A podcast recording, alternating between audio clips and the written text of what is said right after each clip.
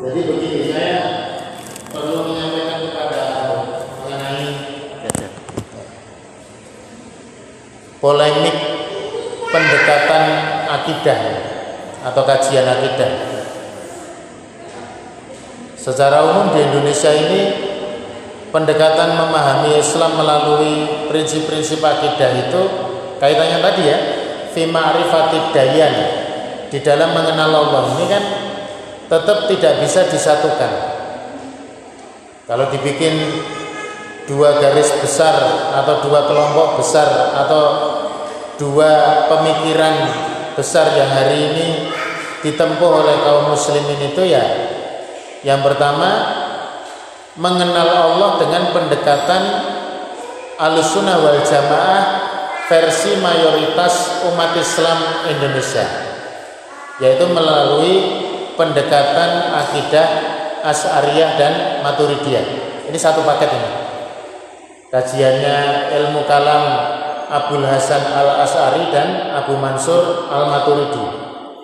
Ini metode yang ditempuh oleh mayoritas umat Islam. Meskipun nanti ada ada fase-fase setelah kehidupan Abu Hasan Al Asy'ari, setelah kehidupan Abu Mansur Al Maturidi dan sebelumnya. Tapi yang pasti ini saya mengambil sampel saja. Yang yang utama arus utamanya itu. Biasanya mereka menyebut Asaria Maturidiyah. Nanti misalkan kan ada akidahnya Imam Asanusi atau yang dikenal dengan Sanusia. Misalkan menghafal sifat 20. Wujud kita bako muholafatu lil hawadisi kiamu binafsihi wahdaniyah kudro iroda apalagi waktu raihan salah satu judul lagunya itu kan anak-anak kita otomatis terpola untuk mengenal tauhid melalui pendekatan itu. Nah, kemudian muncul kelompok yang kedua yang seakan-akan menjadi antitesa daripada kelompok yang pertama. Ini enggak, saya tidak bicara soal waktu munculnya karena secara histori dua-duanya punya pijakan pada masa pendahulu kita atau pada masa salaf. Adalah kelompok yang disebut mereka dengan disebut oleh kelompok-kelompok yang lain itu sebagai alusunah wal jamaah tapi versi salafi atau wahabi. Yang hari ini pesantren kita masih komitmen untuk menggunakan metode itu. Dulu mungkin masih ingat saya pernah belajar kitab tauhidnya Syekh Muhammad bin Abdul Wahab. Hari ini teman-teman adik-adik kita santri yang di SMA belajar pakai kitab kitab tauhid karya Syekh Soleh Fauzan. Ya sama berarti pendekatannya wahabi. Nah Sebenarnya begini ya, Ewan Awad ya, saya sedikit memberikan catatan saja. Supaya kita tidak terlalu direpotkan dengan itu bahwa intinya baik yang menggunakan pendekatan Asy'ariyah Maturidiyah mungkin menggunakan pendekatan sifat 20, menggunakan pendekatan ya kalau sekarang yang diyakini oleh saudara-saudara kita Aswaja NU ataupun yang menggunakan pendekatan kita di Muhammadiyah mungkin agak wahabi begitu ya. Saya memudahkan istilah saja. Menggunakan metode wahabi hakikatnya mana yang lebih memudahkan kita untuk ma'rifatu adayan untuk ma'rifatullah itu itu yang bisa kita pilih tidak ada masalah sebetulnya. Itu tidak usah terlalu anu sampai apa namanya pada tahapan mengatakan bahwa kelompok yang selain bukan kita ini bermasalah akidahnya itu tidak perlu Nah, saya terus terang sampai hari ini pun di Muhammadiyah itu juga masih ada dualisme manhaj di dalam masalah ini. Ada dua hasanah, nanti bisa untuk buka ya. Bahkan ini yang satu sudah mau naik cetak. Himpunan putusan tarjih pada bab iman atau pada materi-materi tentang rukun iman itu disyarah oleh dua penulis hari ini yang beredar di sosial media maupun yang nanti akan dicetak dalam bentuk buku. Ternyata dua-dua ini sama-sama kader Muhammadiyah, sama-sama punya ilmu, pendekatannya juga beda, sesuai dengan latar belakang keilmuannya. Yang satu namanya Ustadz Zulkarnain Al-Maduri. Orangnya tinggal di Bekasi ya. Beliau menulis juga syarah himpunan putusan tarjih Muhammadiyah. Yang satu Ustadz Wahyudi Abdul Rahim yang sekarang menyelesaikan doktor di Al Azhar dan mungkin tulisan-tulisannya sudah masuk ke percetakan. Artinya ketika dilihat ternyata Ustadz Wahyudi cenderung ke Asy'ariyah Maturidiyah sementara Razul atau Ustadz Zulkarnain ini cenderung ke Wahabi. Nah ini hasanah. Hasanah bagi kita ini adalah hasanah. Meskipun kenapa di pondok kita milih yang Wahabi? Jadi manawat karena yang Wahabi ini lebih mudah memahami tauhid versi Wahabi itu kita rasakan lebih mudah daripada kita harus bergelut dengan diskusi ilmu kalam yang sangat panjang sebagaimana yang berlaku dalam kajian-kajian Asyariah Maturidiyah. Nah ini ya. Jadi intinya kita bertauhid, berilmu itu bagaimana kita mengenal Allah dan menjadikan kita dekat dengan Allah. Maka kalau hari ini pun ada sekelompok oknum Wahabi, sebut saja namanya Salafi dengan berbagai sektenya. Yang mereka mungkin kerjaannya mungkin malah kontraproduktif, tidak semata-mata mendekatkan diri kepada Allah, tapi kadang malah membuat persoalan di kalangan kaum muslimin, ya kita anggap itu oknum yang salah dalam memahami metode begitu aja.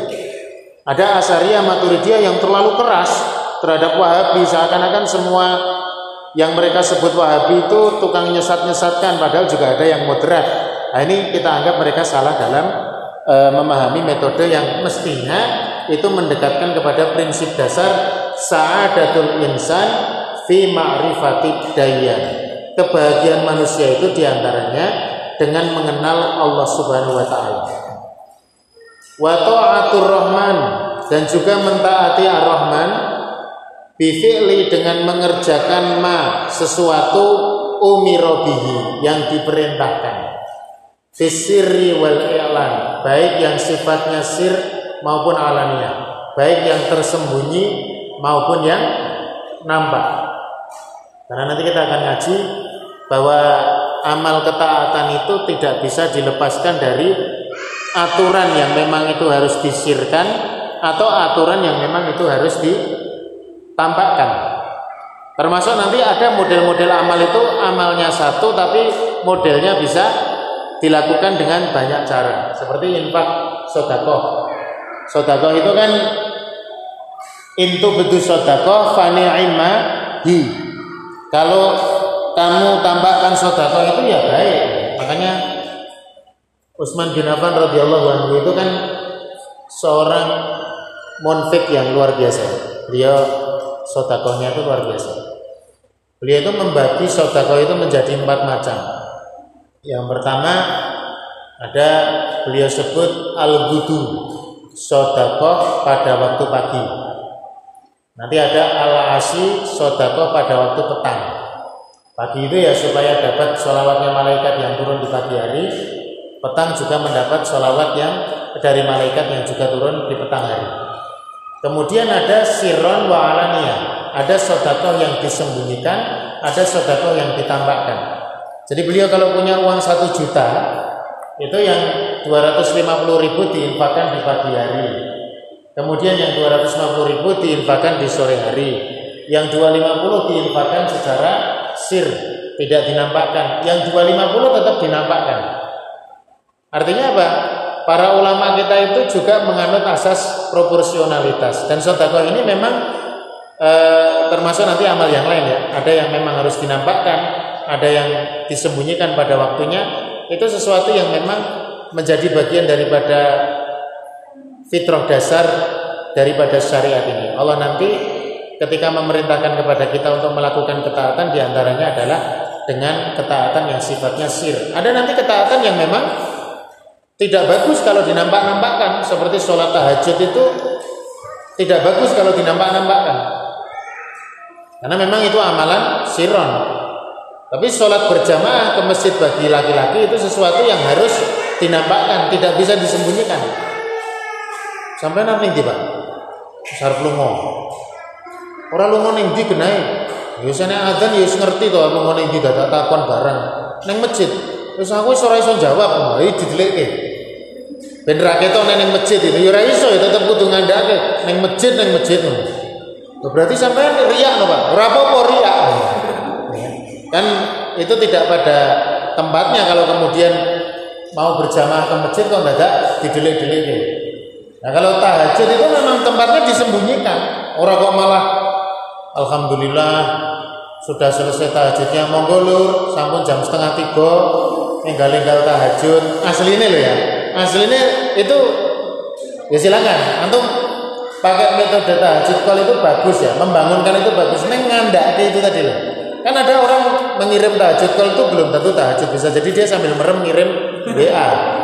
Tapi ketika dia bilang sedulur sekalian sekarang sudah setengah tiga memasuki sepertiga malam akhir Allah turun dari langit kepada langit dunia untuk memberikan rahmat kepada kita. Alhamdulillah saya sudah selesai lima menit yang lalu.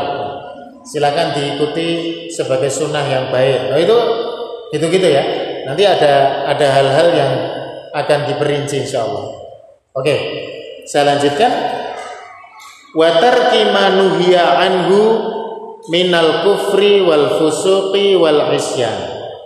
Tadi ya, melaksanakan perintah Allah dalam rangka ketaatan yang nampak maupun yang tidak nampak watarki dan meninggalkan ma sesuatu nuhia anhu yang dilarang kalau antum tanya ma nuhia anhu domirhu kembalinya ke mana? Dibiasakan ya sambil belajar mengulang kembali hunya itu domirnya kembali ke ma sesuatu yang dilarang berupa apa? Minal kufri kekafiran wal fusuqi kefasikan wal isyan dan kemaksiatan. Mimma yata'alaku yang berkaitan bil dengan hati wal abdan maupun badan coba untuk rasakan Mbak Mas bagaimana beliau ini mengungkap sesuatu yang sangat kompleks tapi menjadi satu rumus yang begitu enak sayang kita dulu nggak ngaji kitab ini ya karena tidak kenal. Maka sekarang ada kesempatan untuk ngaji ini. Kalau tidak salah ini tahun 98 itu pernah ada terjemahannya. Terbitan Pustaka Al-Kautar Jakarta tapi sampai sekarang belum cetak ulang. Nah, antum lihat ada term al-kufri, al-fusuqi, al-isyan. Ini ternyata oleh para ulama dijadikan sebagai sistematika untuk memahami tingkat seseorang itu dalam melenceng dari aturan Allah. Karena tadi kan perintahnya adalah meninggalkan yang dilarang. Watarki manuhia anhu minal kufri wal fusuqi wal isyan. Makanya para ulama alusuna wal jamaah itu secara umum membagi pelanggaran manusia itu tingkatannya ada tiga itu. Yang pertama yang paling parah itu kufur. Kufur yang dimaksud di sini adalah kufur muhrijun anil milah, keluar daripada Islam. Yang kedua fasik. Fasik itu melakukan kemaksiatan sebagian term dalam syariat itu disebutnya kufrun duna kufrin. Kufur yang tidak menjadikan orang sampai keluar daripada Islam. Nanti ada yang di bawahnya lagi adalah al-isyan atau kemaksiatan. Nah nanti dari level-level itu kita nanti akan membagi manusia sesuai dengan apa namanya ya dengan posisinya perlakuan kita terhadap manusia misalkan kalau orang itu boleh tidak dia disolatkan selama dia tidak kafir meskipun fasik atau masih maksiat tetap disolatkan ketika dia meninggal dunia? Tapi kalau sudah sampai derajat kufur di situ tidak boleh disolatkan. Dan seterusnya ya itu nanti ada ilmu di situ. Baik, saya lanjutkan membaca kitabnya. Fanabda'u. Maka kita mulai. Bi islahil qulubi dengan menata hati atau memperbaiki hati. Fa innaha maka sesungguhnya hati tersebut manba'u kulli ihsanin adalah sumber daripada setiap kebaikan. Manba itu namanya apa? Dulu apa? Sumbernya, pokoknya, sumber daripada setiap ihsan. Wa kullu ithmin wa udwan juga sumber dari setiap dosa dan permusuhan. Ini menarik ya. Hati itu punya dua kecenderungan. Makanya kan posisi kita itu bagaimana supaya hati kita ini dikaruniakan oleh Allah keistiqomahan dengan doa-doa yang kita panjatkan setiap saat itu. Allahumma ya qulub tsabbit qalbi ala dinik ya musarrifal qulub sarrif qalbi ala ta'atik. Ihdinas siratal mustaqim. Apalagi rabbana la tuzigh qulubana ba'da idh hadaitana wa hab lana min ladunka rahmah innaka antal wahhab dan seterusnya. Karena dua potensi yang bertolak belakang ini berasal dari hati. Maka tinggal bagaimana Allah nanti mengendalikan hati ini. Innahu laisa adami kata Rasulullah SAW persoalan hati itu bukan persoalan manusia karena dia baina usbu'aini asabi rahman. Dia di antara dua jari dari jarinya Allah Subhanahu wa taala. Tinggal kita nanti minta sama Allah supaya mengendalikan dengan jari-jarinya Allah ini. Nah, Iwan Bidin, fa'inal qalba idza saluha bil ma'rifati wal iman saluhal jasadu kulluhu bitoati wal idhan. Final kolba sesungguhnya hati itu idza soluha apabila dia benar bil ma'rifati wal iman dengan ma'rifah pengetahuan dan keimanan soluhal jasadu kulluhu maka akan menjadi benerlah seluruh badan itu bitoati dengan bentuk ketaatan wal id'an dan bentuk ketundukan. Wa idza fasadal qalbu kalau hati itu rusak bil jahli wal kufron dengan kebodohan dan kekafiran fasadal jasadu kulluhu. Maka rusaklah seluruh jasad itu bil ma'asi dengan kemaksiatan watuhyan dan sikap melampaui batas. Al qalbu itu sebagaimana maknanya sesuatu yang mudah terbolak-balik sesuatu yang mudah berubah. Makanya dinamakan alkohol kalau dalam anatomi tubuh manusia itu ulama berbeda pendapat menerjemahkan alkohol ini. Apakah dia itu hati atau jantung? Kadang-kadang kalau anak muda itu yang kasmaran itu nggak sabar dia nggak usah membedakan jantung atau hati langsung disebut si jantung hati di dua-duanya kena tapi ini menarik uh, Ewan dan Ahwat ya. Jadi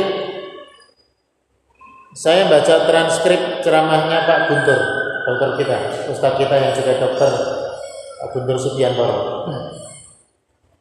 Beliau ketika menafsirkan termasuk juga waktu nasihat pagi di tempat kita kan hubungan antara kesehatan kesehatan jantung dengan Al-Quran dan kesehatan jantung. Ini bicara tentang itu. Islam dan kesehatan jantung. Itu beliau memahami bahwa hadis ini uh, apa tadi? Itu loh yang idza soluha idza soluha soluhal jasadu kullu itu ya. Jadi al itu dimaknai jantung kemudian beliau mencoba menarik satu logika ilmu kesehatan. Yang orang ngomong dari rodanya karena memang bukan bidang saya logika ilmu kesehatan bahwa ternyata jantung itu menjadi satu pusat bagi bagi kebaikan jasad. Nah, itu ditinjau di, di dalam sunah-sunah. Misalkan ketika orang tidur disunahkan untuk miring ke kanan, posisi kepala ke utara atau menghadap kiblat seperti orang ditidurkan ketika wafat itu. Itu ternyata kan kajian bisa nanti jalan kaji sendiri ya posisi jantungnya itu adalah posisi terbaik di saat dia butuh untuk memompa, di saat dia butuh untuk istirahat. Nanti ada banyak sunnah-sunnah seperti sunnah Rasulullah berwudu sebelum tidur itu ternyata gerakan wudhu sebelum tidur nah, tidur itu ya diasumsikan kalau dari waktu isya tidak terlalu jauh bagi yang hidupnya sehat kalau saya kurang sehat no. hidupnya sehat mungkin habis isya selisih dua jam satu jam satu setengah jam itu dia ambil air wudhu sekitar jam 9 sampai jam 10 itu ada waktu di mana gerakan-gerakan wudhu itu ternyata memberikan pengaruh yang sangat baik untuk jantung. Nah, ini semuanya adalah hikmah. Tetapi apa yang disampaikan Rasulullah itu kita pastikan benarnya ketemu hikmahnya atau tidak ya. Jadi ketemu hikmahnya atau belum kita tetap meyakini bahwa ala inna fil jasadi mudghah idza saluhat saluhal jasadu kulluhu wa idza fasadat fasasal jasadu kullu itu sesuatu yang memang kita yakini. Itu ya. Baik, kita selesaikan. Tadi kita mulai jam berapa, Mas? Setengah setengah sebelas mulai. Kayak pun jadi. Atau kita selesaikan pasal ini insyaallah. Mana harus kesel ya tinggal lungo santai ya. Pokoknya pengajian santai ya. Saya lanjutkan. Nah sekarang kita lihat Bapak Ibu sekalian ya. Solahul wa solahul qulubi durbani. Dan memperbaiki hati itu ada dua bagian. Ada dua bagian. Ahaduhuma yang pertama kosirun. Apa arti ini masih? Arti kosirun apa itu? Kosir itu maksudnya yang untuk internal diri, kosirun. Jadi untuk terbatas kepada diri kita. Memperbaiki hati, bagian yang pertama kosirun kal ma'rifati wal ikon. Bagaimana seseorang itu membangun ma'rifah. Ma'rifah ini di atasnya pengetahuan, di atasnya knowledge. Filosofi ilmunya nanti ada ya, di atasnya knowledge itu apa? Jadi ma'rifah, membangun ma'rifah wal ikon dan keyakinan. Artinya kalau orang belajar, orang meyakini, orang mengetahui, orang bermakrifat, itu kan wilayah-wilayah internal yang kalau dalam bahasa muamalah itu tidak berefek kepada orang lain karena memang bangunan itu harus dia bangun sendiri. Tapi nanti ada yang kedua wasani muta'adun sesuatu yang mempunyai efek untuk orang lain. Ini kalau bahasa dalam filosofi berbahasa ada apa ya? Butuh objek ada tidak butuh objek? Objek itu ya, ada lazim, ada mutaaddi. Ada butuh objek itu. Isku ya pokoknya Pak ya. Transitif, intransitif dan sebagainya itu. Lali ya. La muta'adun itu kairodatil jud wal ihsan. Keinginan untuk irodah, keinginan Aljud itu apa? Kedermawanan. Wal esan atau berbuat baik kepada orang lain. Jadi nanti kalau kita ngaji tentang tazkiyatun nafas itu pokok daripada islahul qulub itu yang pertama memperbaiki hati kita secara internal, yang kedua bagaimana kita memperbaiki hati yang berkaitan dengan kebaikan terhadap orang lain. Dicontohkan di sini cuman dicontohkan karom atau aljud orang itu dermawan atau berbuat baik kepada orang lain. Ini untuk hati ya. Lah ini nanti berarti skala prioritas. Eh, dan awas sekalian, skala prioritas. Artinya apa yang disampaikan oleh beliau ini sangat penting. Orang bermakrifah kepada Allah tanpa adanya ikon itu nanti juga repot. Bermakrifah tidak ada keyakinan juga repot. Atau knowledge yang sekedar pengetahuan tidak sampai kepada ma'rifah itu juga membawa masalah. Seperti fenomena kalau saya yang mengikuti betul memang Pak Yudian Wahyudi. Saya termasuk penggemar beliau. 15 10 tahun, 15 tahun yang lalu saya sudah mencermati tulisan-tulisan beliau. Karya-karya beliau sudah saya baca dan saya senang dan betul-betul hari ini sudah tidak tersisa sedikit pun daripada kebaikan-kebaikan apa yang pernah beliau tuliskan. Mudah-mudahan Allah ngasih hidayah untuk kita berdoa yang baik, tapi secara prinsip memang hidayah itu sangat mahal. Karena beliau bergeser itu sangat jauh dari seorang penghafal Quran yang punya basic keagamaan yang baik, punya tradisi keulamaan yang baik di keluarganya, dan sempat menjadi bagian daripada orang yang mensosialisasikan pergerakan di Solo waktu itu di Jogja pada waktunya sekarang menjadi orang yang begitu mudahnya. Ya meskipun beliau mungkin ngomong begitu ya sekedar gojekan mungkin ya tapi faktanya memang hari ini tulisan-tulisan beliau lima tahun terakhir itu rata-rata tulisan pesanan beliau pernah nulis nulis tentang Wahabi itu ya nulis pesanan penguasa dan sebagainya jadi memang ini penting ya, supaya kita memadukan antara ma'rifah dengan al-ikon.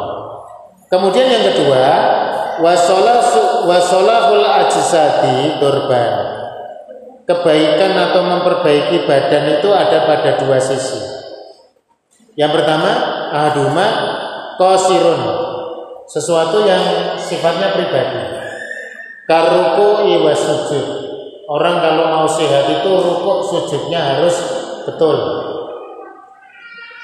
Atau dibalik ya, orang kalau tidak sehat tidak bisa rukuk, tidak bisa sujud.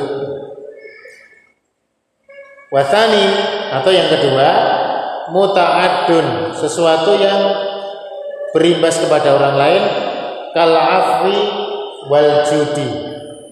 Orang kalau mau sehat itu ala itu memberikan maaf. Badannya mau sehat itu orang dendam, orang nesunan, mudah memberikan maaf. Wal jud karom, dermawan, suka berbagi. Seperti Mas ini suka berbagi, sehat ya. Pas berbagi kan sehat ya. Ini saya dikasih makanan low fat segini banyaknya. Antum boleh melihat nggak boleh mencicipi. Ada yogurt. Ya, pengepek kabeh. Dan memang betul. Makanya kadang ada nasihat dari para ulama dalam fikih fikul marad itu ya, fikul mardo. Fikih orang sakit itu kalau kamu mau cepat sembuh dari sakitmu ya bersodakohlah. Nah bahasanya karom itu bukan semata-mata uang yang keluar, tapi dengan dia bersodakoh itu akan melonggarkan penyakitnya, karena dia hakikatnya dilonggarkan hatinya. Aku tak rewangi sodakoh kok orang mari-mari. Nah, memang dia sodakohnya tidak beneran, karena dia sodakohnya mau pengen mari tapi tidak melonggarkan hati untuk karom atau untuk aljud. Kemudian yang ketiga poinnya wafasadul qulubi dorban.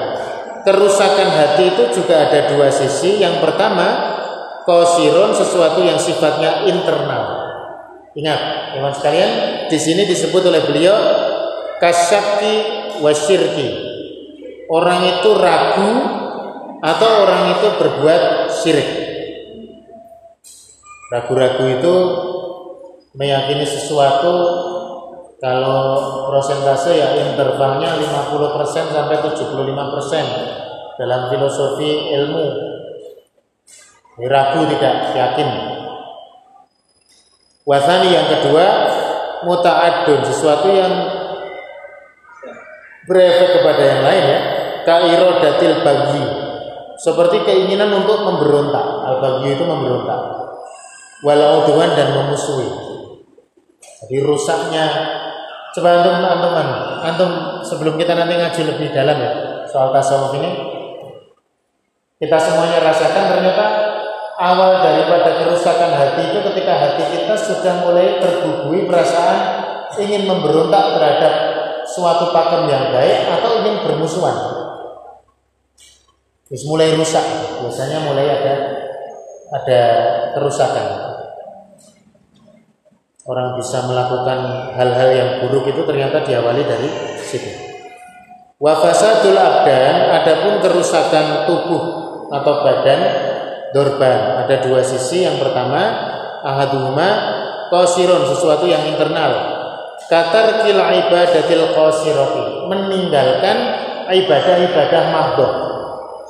Al ibadat al kosiroh itu ibadah-ibadah khusus mahdoh Wasani muta'adun sesuatu yang berimbas kepada yang lain. Kan namimah seperti adu domba. Wal buhtan atau dusta. Dusta ini yang maksudnya tentu kan mendustai orang lain berbohong. Ini ini hewan bidin ya. Kemudian ditutup oleh pernyataan beliau wa min lutfir rahman annahu lam ya'murna illa bima fihi maslahatun fid ini au fi ihdahima wa min lutfir rahman dan di antara kelembutan ar-rahman anahu bahwasanya ar-rahman itu lam ya'murna tidaklah memerintahkan kita illa kecuali bima dengan sesuatu fihi yang di dalamnya maslahatun ada nilai kemaslahatan fitdaro ini pada dua dar. Dua dar itu darul dunia wa darul akhirah. di dunia maupun di akhirat au fi atau paling tidak salah satu dari kedua dari itu. Ini prinsip. Seluruh perintah juga beliau kaji dan beliau uraikan nanti insya Allah kalau sempat saya bacakan di pertemuan ini atau pertemuan yang akan datang di dalam kitab Qawaidul Hakam tadi yang saya sebut di depan. Jadi setiap perintah Allah itu pasti mempunyai nilai maslahat. Nanti hikmahnya bisa dikaji maslahat itu di dunia saja atau di akhirat saja atau di dunia dan akhirat tidak akan terlepas dari itu. Jadi tidak mungkin kalau sampai semua perintah itu nir atau kosong daripada nilai apa. Nah, cuman masalahnya kadang keimanan seseorang itu menjadikan memahami nilai maslahat itu dari hikmah terlebih dahulu sebelum memahami bahwa itu adalah perintah. Ini macam mana anak kita kalau disuruh, nah minumlah sambil duduk, jangan minum sambil berdiri. Sulitnya bukan main, anak-anak gede, anak-anak luar misalnya. Disuruh gitu kan kadang biasa nekat minum sambil berdiri. Tapi begitu guru biologi yang ngomong, disiplin ilmu biologi yang diajukan, mereka langsung tunduk patuh. Kenapa kita minum sambil duduk? Karena ginjal itu punya katup, yang katup itu bisa buka nutup. Kalau orang minum, misalkan yang diminum itu sesuatu yang bermanfaat seperti air mineral, kemudian dia masuk ke dalam ginjal. Ini teori saya, Pak. Teori yang saya nggak menguasai ilmu biologi secara baik. Itu kemudian posisi orang kalau duduk itu katup itu menutup sehingga proses pembersihan ginjal dengan air putih atau air mineral itu bisa optimal dengan dia duduk. Kemudian ketika nanti dia saatnya berdiri, katup itu terbuka. Setelah melakukan pembersihan itu terbuanglah kotoran-kotoran yang ada dalam ginjal itu menjadi bagian daripada proses ekspresi terus keluarlah urin itu. Jadi minum sambil duduk itu manfaatnya besar karena ada pembersihan ginjal. Oh begitu, baru mereka mau duduk. Dan itu pasti hikmah itu pasti kalau setiap perintah itu pasti akan ada ada hikmahnya. Kalau kamu minumnya berdiri nanti berarti nggak optimal. Apa yang kamu minum langsung ngocor ke, ke bawah itu misalnya. Nah, teori-teori seperti ini menjawab bahwa tadi min lutfir rahman annahu lam ya'murna ila bima fihi maslahatun fid ini au fi ihdahima walam yanha illa amma fi mas, mafsadatun ma au fi ihdahi ihdahuma. Bahkan Allah itu tidak pernah melarang illa amma kecuali terhadap sesuatu fihi yang di dalamnya mafsadatun. Mesti akan ada kerusakan ma di dalam masalah tersebut. Au oh maaf di dalam dunia maupun akhirat au fi ihdahuma atau di dunia saja atau di akhirat saja. Jadi ini prinsip-prinsip ketaatan ya. 33 menit rekamannya. Saya tambah satu paragraf, saya selesaikan. Oke, bekan saya ya. Wah, mungkin bekannya tambahannya ya. saya pengennya munculnya nanti. Jazakumullah. Saya lanjutkan dulu. Wal maslahatu ladzatun au sababuha. Dan maslahat itu hakikatnya adalah kelezatan au sababuha atau sebab kelezatan itu. Besok insya Allah kalau bulan depan dimudahkan saya akan uraikan ini agak panjang. Jadi begini Mas Mbak. Maslahat itu ada kelezatan, ada sebab dari kelezatan. Jadi sebab ini maksudnya sebab dari kelezatan ini. Jadi beliau menggunakan terminologi ladatun finafsiha, ladatun sendirinya, ada sebab kelezatan itu berdiri sendiri. Nanti akan kita uraikan insyaallah. Au farhatun au sababuha. Atau farhatun, kesenangan, kegembiraan atau sebabnya. Jadi kalau bicara maslahat itu berarti ada empat hal. Satu apa? Ladatun. Dua, sababul lada. Tiga, farhatun. Empat, sababul farhat. Gitu ya, memahaminya begitu. Wal mafsadatu. Sementara yang namanya mafsadat atau kerusakan itu adalah alamun au sababul. Penyakit atau sebab daripada alam atau penyakit itu au atau kesedihan atau kesusahan au sababuhu atau sebab daripada kesedihan atau kesusahan itu. Ya jadi berarti ada empat juga. Mafsadat itu ada alam sababul alam.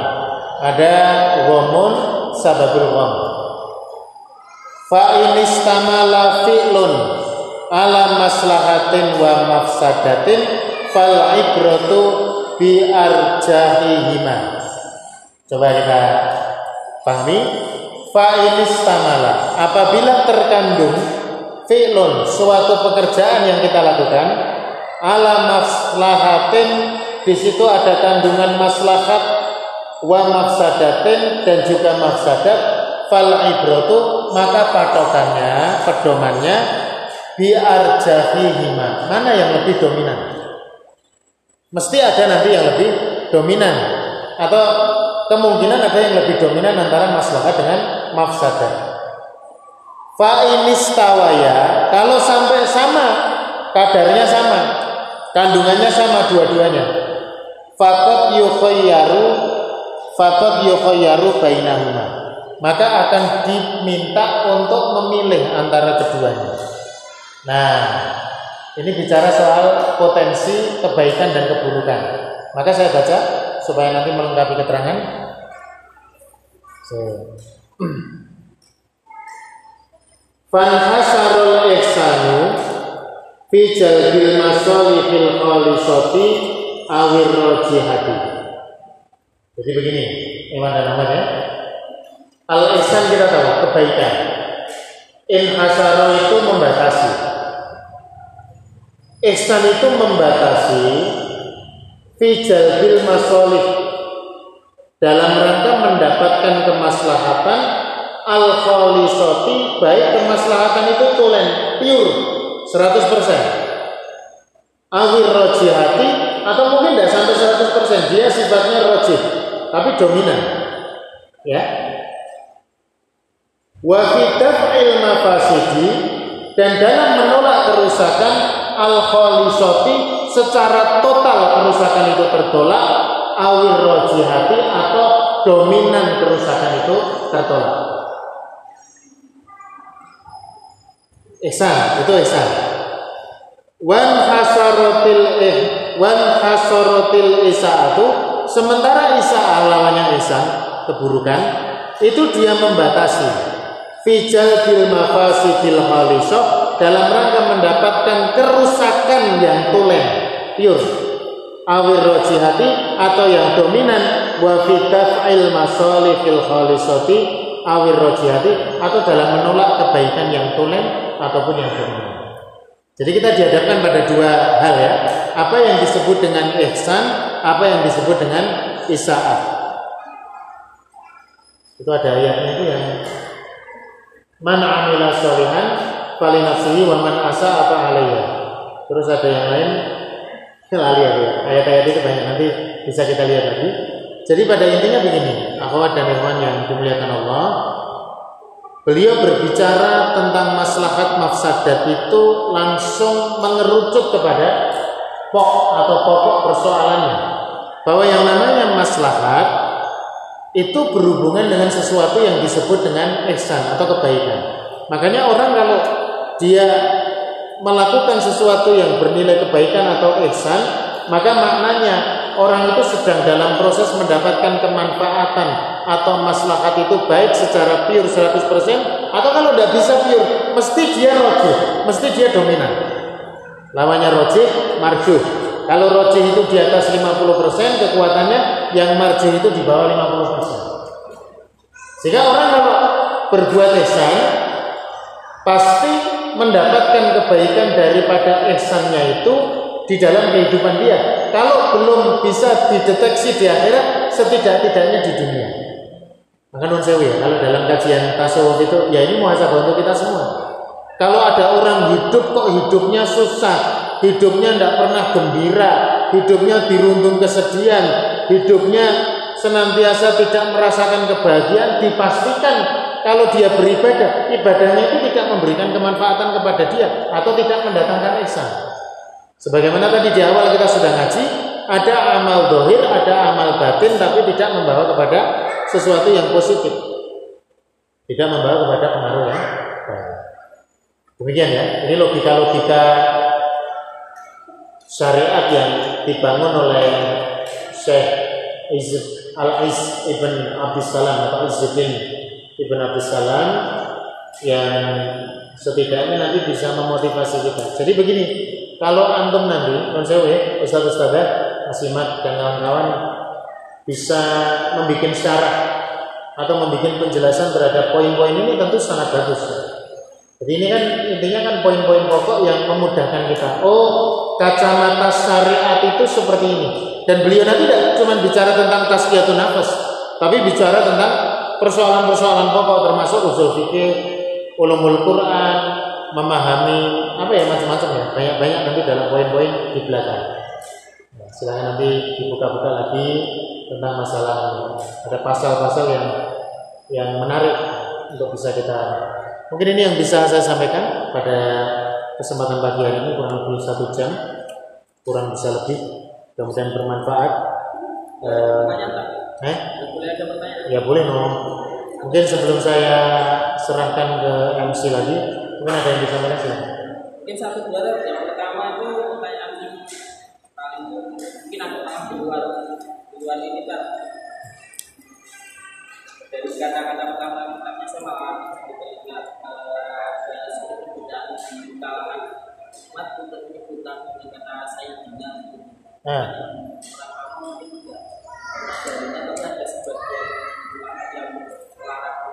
Itu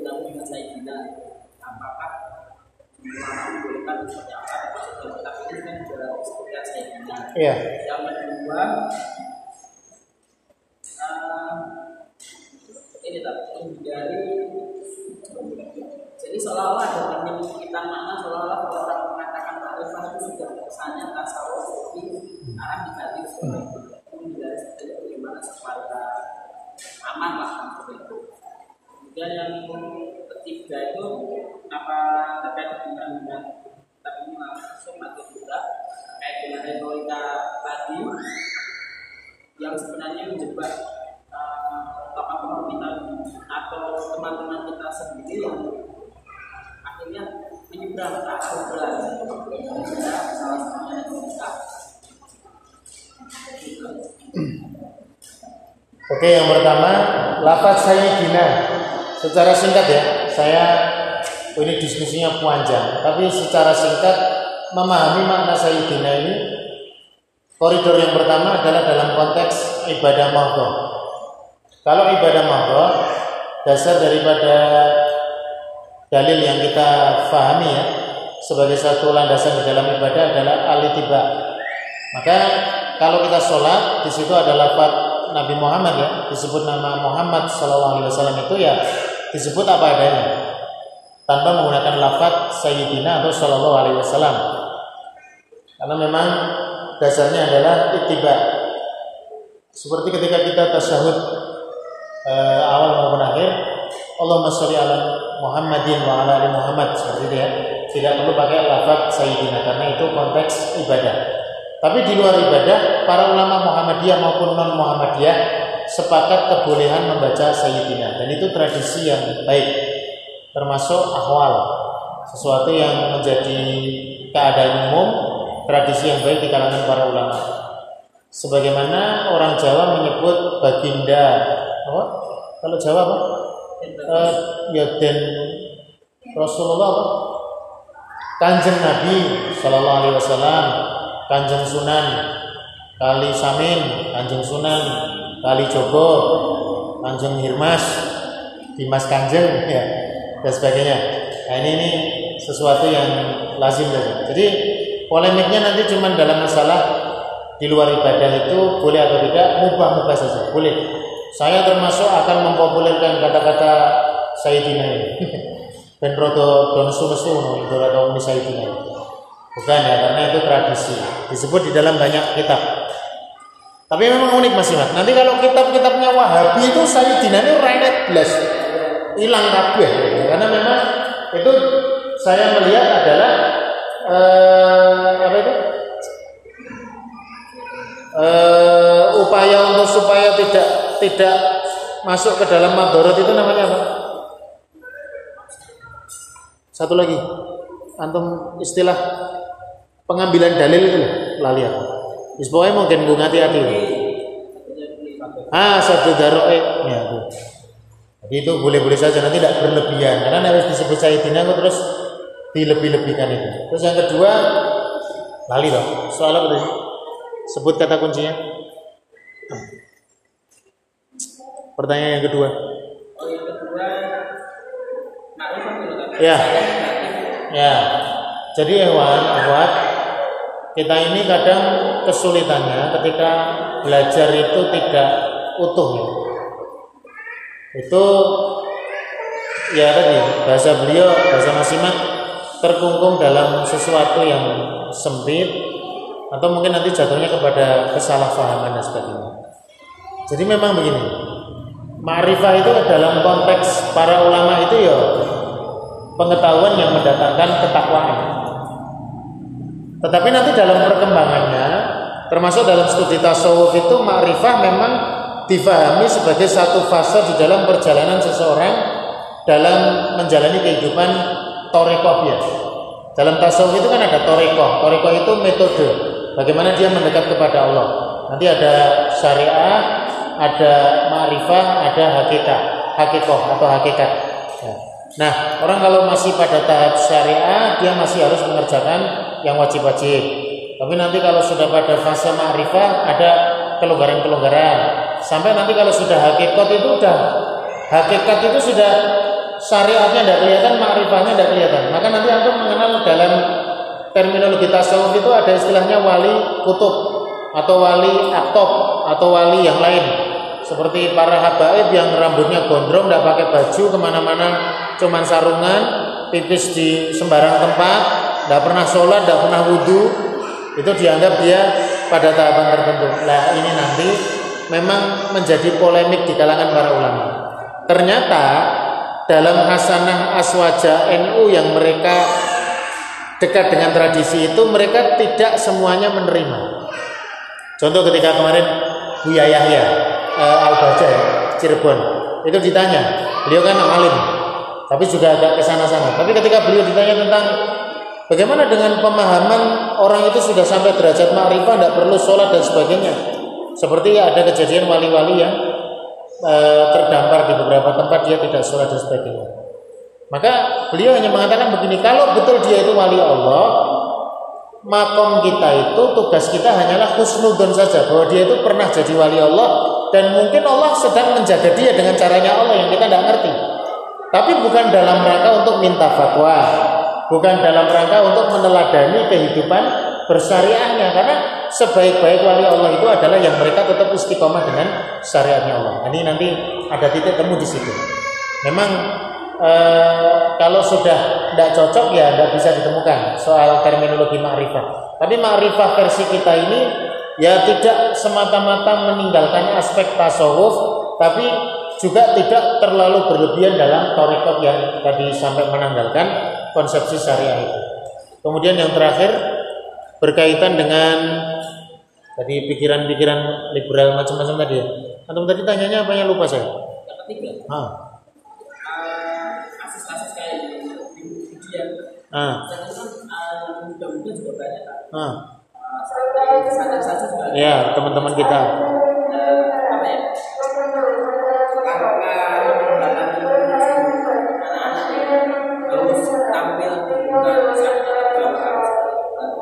Ya.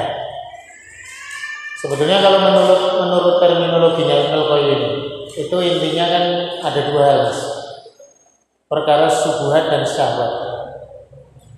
Nah, syahwat ini kadang dominan menjadikan orang itu jatuh ke situ kadang yang subuhatnya yang dominan. Ulil Absor Gus Ulil. Sekarang kan dia udah cari habis tobat ya dan beliau memang sudah banyak ngaji ihya. Sekarang di mana-mana pengajiannya ngaji hikam ngaji ihya sudah tobat dari liberalnya itu dia memang sudah memproklamirkan saya bertobat. Tubtu tubtu min librolia. Saya sudah tobat.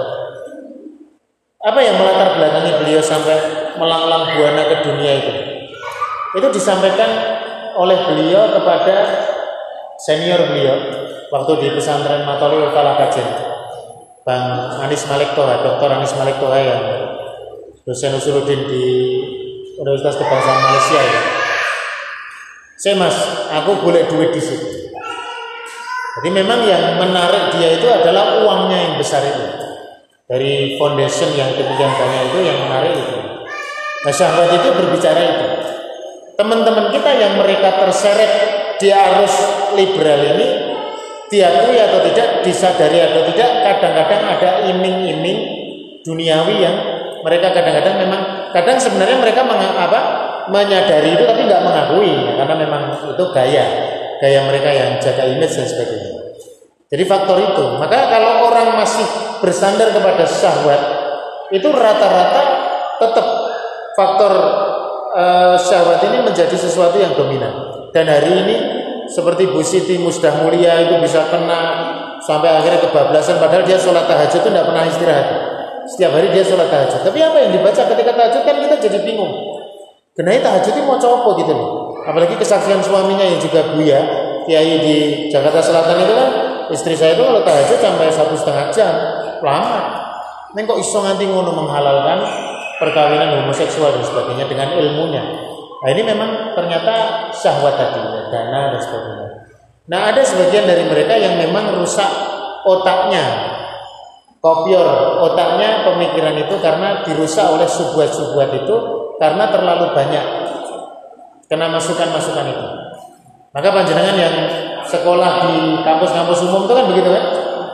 Yang kuat menahan subuat itu ya dia akan istiqomah dengan jalan itu. Tapi yang tidak kuat ya dia akan terkontaminasi. Satu contoh mas. Tidak usah jauh-jauh saya. Saya contohkan saya. Ustazah sekalian ya. Teman-teman sekalian. Saya ini senang baca lintas pemikiran.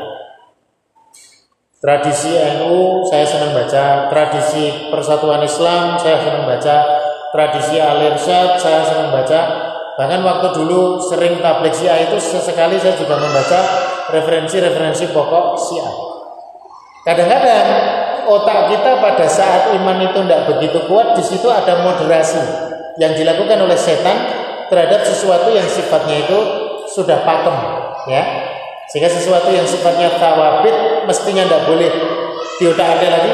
Otak kita ini kadang rodo nakal. Oh, ini ya rapo poki rodo dimoderasi oleh setan. Nah itu nanti faktor yang sangat juga dominan. Kenapa teman-teman kita melihat itu? Maka muncullah gegar budaya itu tadi. Wow, ternyata hebat betul tradisinya keilmuan orang-orang liberal itu padahal ternyata rapuh secara disiplin. Jadi itu fenomena yang lazim sejak masa Rasulullah itu pola-pola seperti itu sudah ada. Saya lupa namanya itu ya. Disebut dalam kitab Ar-Rahiqul Mahtum itu ada orang-orang yang mereka sukanya begitu. Sehingga nanti pernah kan kejadian ketika Rasulullah itu wa idza ra'au tijaratan aw lahwan faddu ilaika. Eh wa idza ra'au wa idza ra'au tijaratan aw lahwan faddu ilaiha wa taraku ka iman beda model tapi sama kasusnya. Rasulullah khutbah Jumat peserta khutbah itu 80-an orang Pas Rasulullah khutbah itu yang tersisa tinggal 12 orang yang lain-lainnya mereka lari. Kenapa? Karena ada orang propaganda itu masih dan teman-teman putri sekalian. Ada orang datang promosi paham liberal kalau sekarang ya. Jadi filsafat-filsafat Yunani kuno dan sebagainya itu dipromosikan. Kemudian juga perdagangan-perdagangan ada mungkin campur sarinya dan sebagainya. Sehingga para sahabat itu watarokuka iman. Mereka meninggalkan Muhammad yang sedang berdiri untuk berkhutbah. Jadi gaya-gaya begitu sudah muncul. Maka ya itu tradisi iblis yang memang uh, harus kita hadapi sebagai harus kita terima sebagai satu kenyataan fitrah, tapi kita hadapi sebagai bagian daripada mujahadah kita. Begitulah sekilas, uh, sekilas komentar saja ya dari hal-hal yang tadi disampaikan oleh Mas. Wallahu Cukup ya? Eh? Ya, ya apa-apa langsung tutup. Ibu-ibu ada pertanyaan? Alumni alumni.